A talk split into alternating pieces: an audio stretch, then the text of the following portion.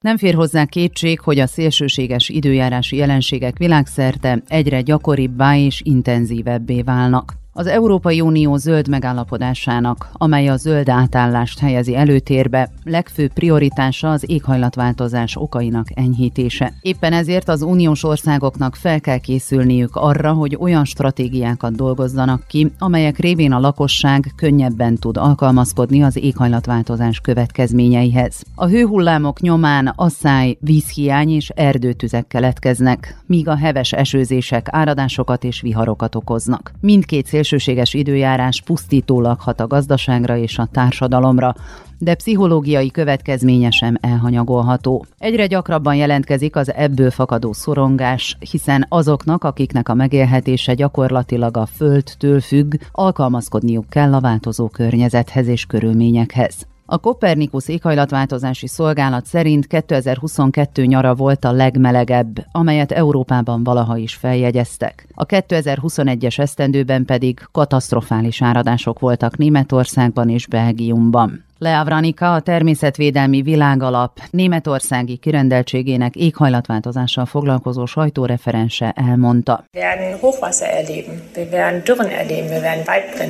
Egyre gyakrabban tapasztalunk majd árvizet, szárazságot, erdőtüzeket. Erre fel kell készülnünk. Németországban már most 1,6 fokot emelkedett az évi átlaghőmérséklet. Jelenleg 3-4, sőt 5 fokos emelkedés irányába tartunk. A Föld egyes tájai ezért elnéptelenedhetnek. das geht nur mit dem Ausstieg aus den Fossilen. Und das muss wirklich allen klar sein. Noha Európa Észak-Amerikához és Kínához hasonlóan a klímaváltozás fő okozója, a régiót eddig viszonylag kevésbé érintette drasztikus módon a klímaváltozás, mondja Andrejus Spiridonovas, a Vilniuszi Egyetem kémiai és geotudományi karának professzora, a Zinio Radias munkatársának.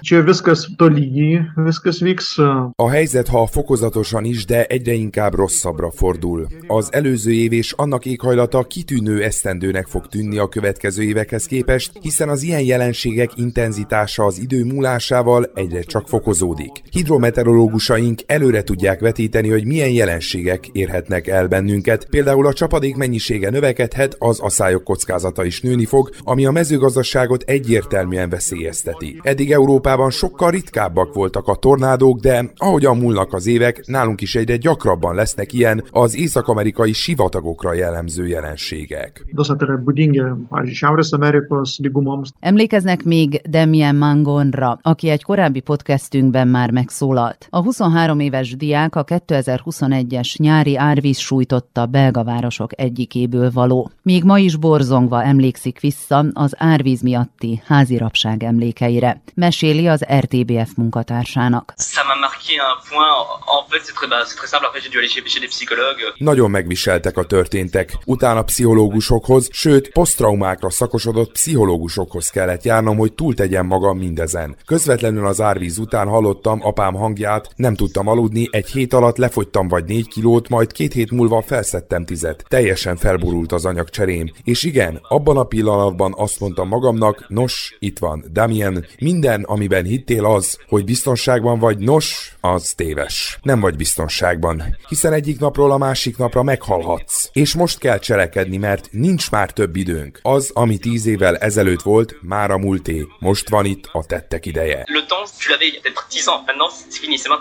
De milyennek sikerült túltennie magát a történteken, már felépült, és azt mondja, klímaaktivistává válik. Az Európai Bizottság által 2008-ban létrehozott Európai Asszály Megfigyelő Intézet szerint az elmúlt 500 évben nem volt olyan asszályos nyár Európában, mint 2022-ben. A Kopernikus vészhelyzetkezelő szolgálat adatai szerint az Európai Unióban 2022. júliusában és augusztusában leégett terület meghaladta a 425 ezer hektárt. Mindez hatalmas természeti, társadalmi és gazdasági veszteséget eredményez. Az elmúlt 40 évben az Európai Unióban csak nem 500 milliárd eurós kár keletkezett. Az asszály és a vízhiány, amit a mezőgazdaság, az ipar és más ágazatok közötti versengés még inkább fokoz, a városlakók életminőségét is kezdik befolyásolni, miközben hozzájárulnak a társadalmi demográfiai különbségek kialakulásához. Olaszországban és Portugáliában a vízfelhasználás mintegy 60%-a a mezőgazdaságra jut. Spanyolországban ez az arány 72%, Görögországban pedig 80. Míg ilyen magas vízfelhasználás mellett is a termelőknek, és nem csak a mediterrán térségben, már most a talaj elszegényedésével kell szembenézniük. Az ilyen talaj kevésbé hatékonyan tárolja, vezeti el és szűri a vizet. Az erózió nagyobb, a szerves anyag mennyisége kisebb, a termények minősége is csökken. Ezért nagyon gyorsan át kell gondolni, hogyan kell ok és szakszerűen gazdálkodni a vízzel. A klímaváltozás miatti egyre gyakoribb szárazságok tehát különösen megviselik a természetet és a mezőgazdaságot is. A Kárpát-medencében rengeteg vizet hoznak a folyók, de ez a vízkincs a folyószabályozások óta már nem táplálja a talajt. Magyarország esetében is úgy hagyja el az országot, ahogy érkezett, mondja Kerbeli Klára, a Természetvédelmi Világalap Magyarország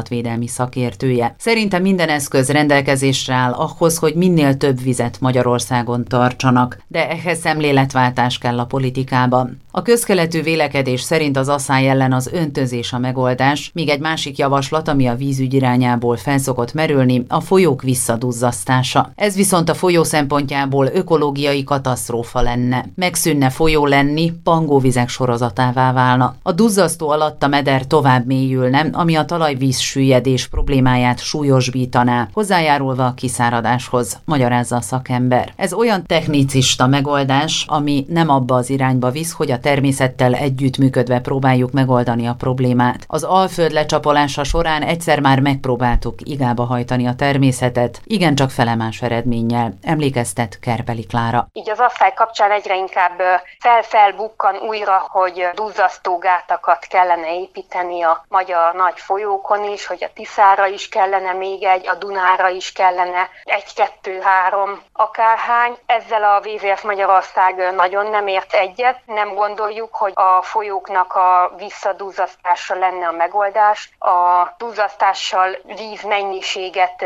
nem lehet teremteni, tehát amikor kevés víz van a folyókban, akkor a duzzasztott terek is fokozatosan kiürülnek. Ezt láthattuk egyébként idén nyáron is. A nyugat-európai felduzzasztott tározók is egészen leürültek az asszály miatt. Tehát semmiképpen nem alkalmas arra, hogy ezt az akár két milliárd köbméternyi vizet ott tározni lehessen, valamint, hogy ezt a két milliárd köbméternyi vízhiányt, ami a éghajlatból fakad, tehát hogy a potenciális párolgás több, mint a csapadék. Tehát ennyi az a vízhiány, amit igazából, ahogy csak lehet pótolni, lenne szükséges a táj szintjén, és erre sem alkalmas az, hogyha egy duzzasztóban mondjuk néhány százezer vagy egy-két millió köbméter víz lenne visszatartva. Minden bizonyal a leghatékonyabb módszer a mikroöntözés és a csepegtető öntözés, hiszen ezek elérik a 90%-os hatékonysági szintet. Míg a legjobb öntözőrendszerek esetében is a felhasznált víz 20-30%-a veszik kárba, azonban más népszerű öntözőrendszerek esetében a hatékonyság sokkal alacsonyabb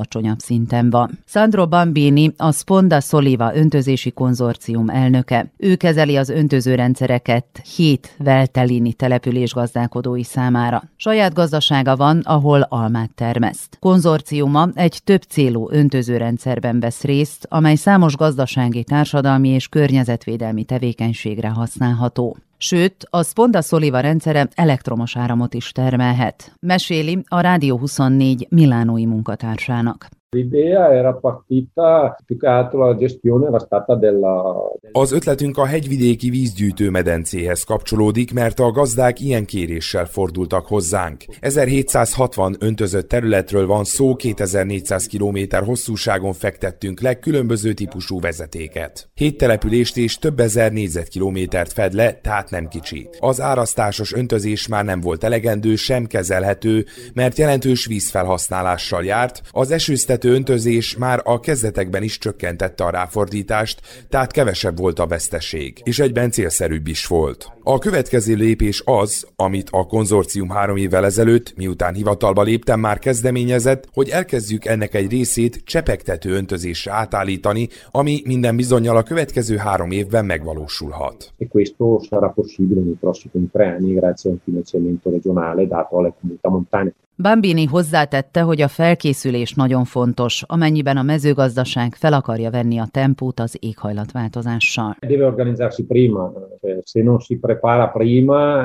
Előre fel kell készülni, hiszen ha nem így teszünk, akkor nagyon nehéz lesz rövid távon reagálni. Ugyanezt történt velem is az öntözés kapcsán. Nehéz volt módosítani a rendszerünket, mert ez befektetést és időt igényelt. Ami a jégesőt illeti, ha előre felállítottuk a hálókat, akkor meg tudjuk oldani a problémát, ha nem, akkor sajnos a jégtől sem tudjuk megvédeni magunkat.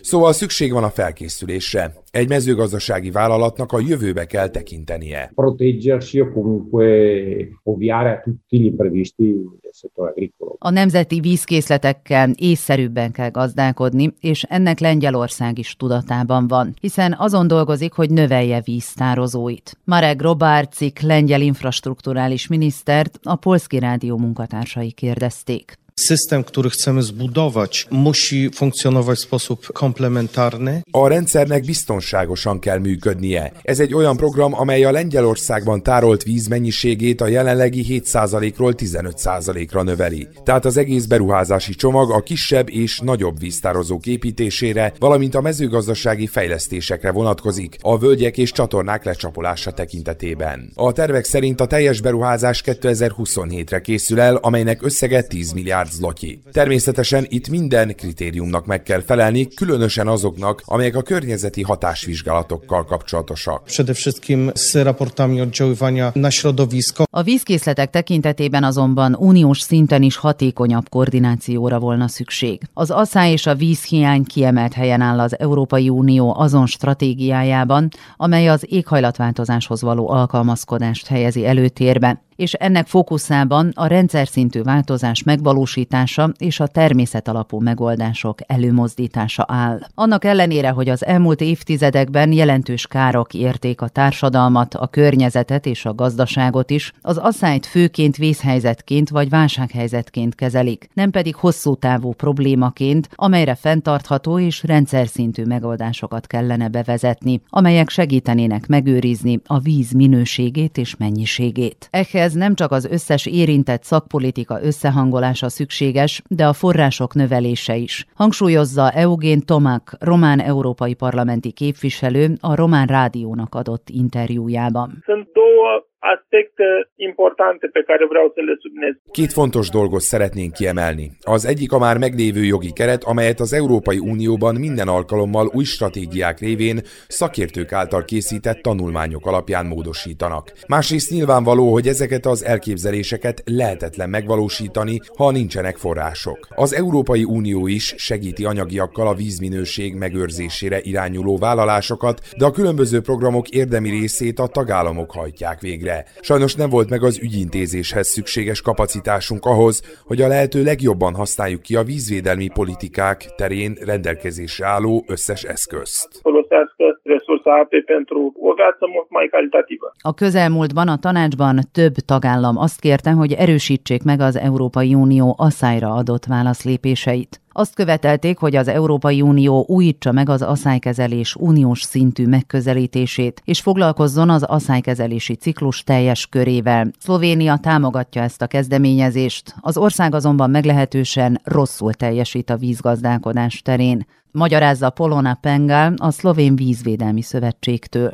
Še vedno ne razmišljamo v smislu prilagajanja, még mindig nem az alkalmazkodásban, sokkal inkább az irányításban gondolkodunk, és ezek a fogalmak szöges ellentétben állnak egymással. Ez különösen nyilvánvaló az árvizek káros következményeinek kezelésében, hiszen az intézkedéseket hivatalosan úgy írják le, hogy azok valójában árvíz ellenes intézkedések. A természetes folyómedreket vízelvezető csatornává alakítjuk át, a természetes folyami folyamatokat megbénítjuk, ezzel egyrészt kárt teszünk növelünk a biológiai sokféleségben, másrészt csökkentjük a folyami ökoszisztémák azon képességét, hogy alkalmazkodjanak a változásokhoz. Sami prilagajajo spremembam in hkrati, da s temi spremembami tudi zaščitijo nas. Az Egyesület meggyőződése, hogy ha Szlovénia továbbra is ezen az úton jár, az ország a jövőben a mostaninál súlyosabb következményekkel számolhat az éghajlatváltozás okozta káros folyamatok során. És ugyanez elmondható az Európai Unió többi tagállamáról is.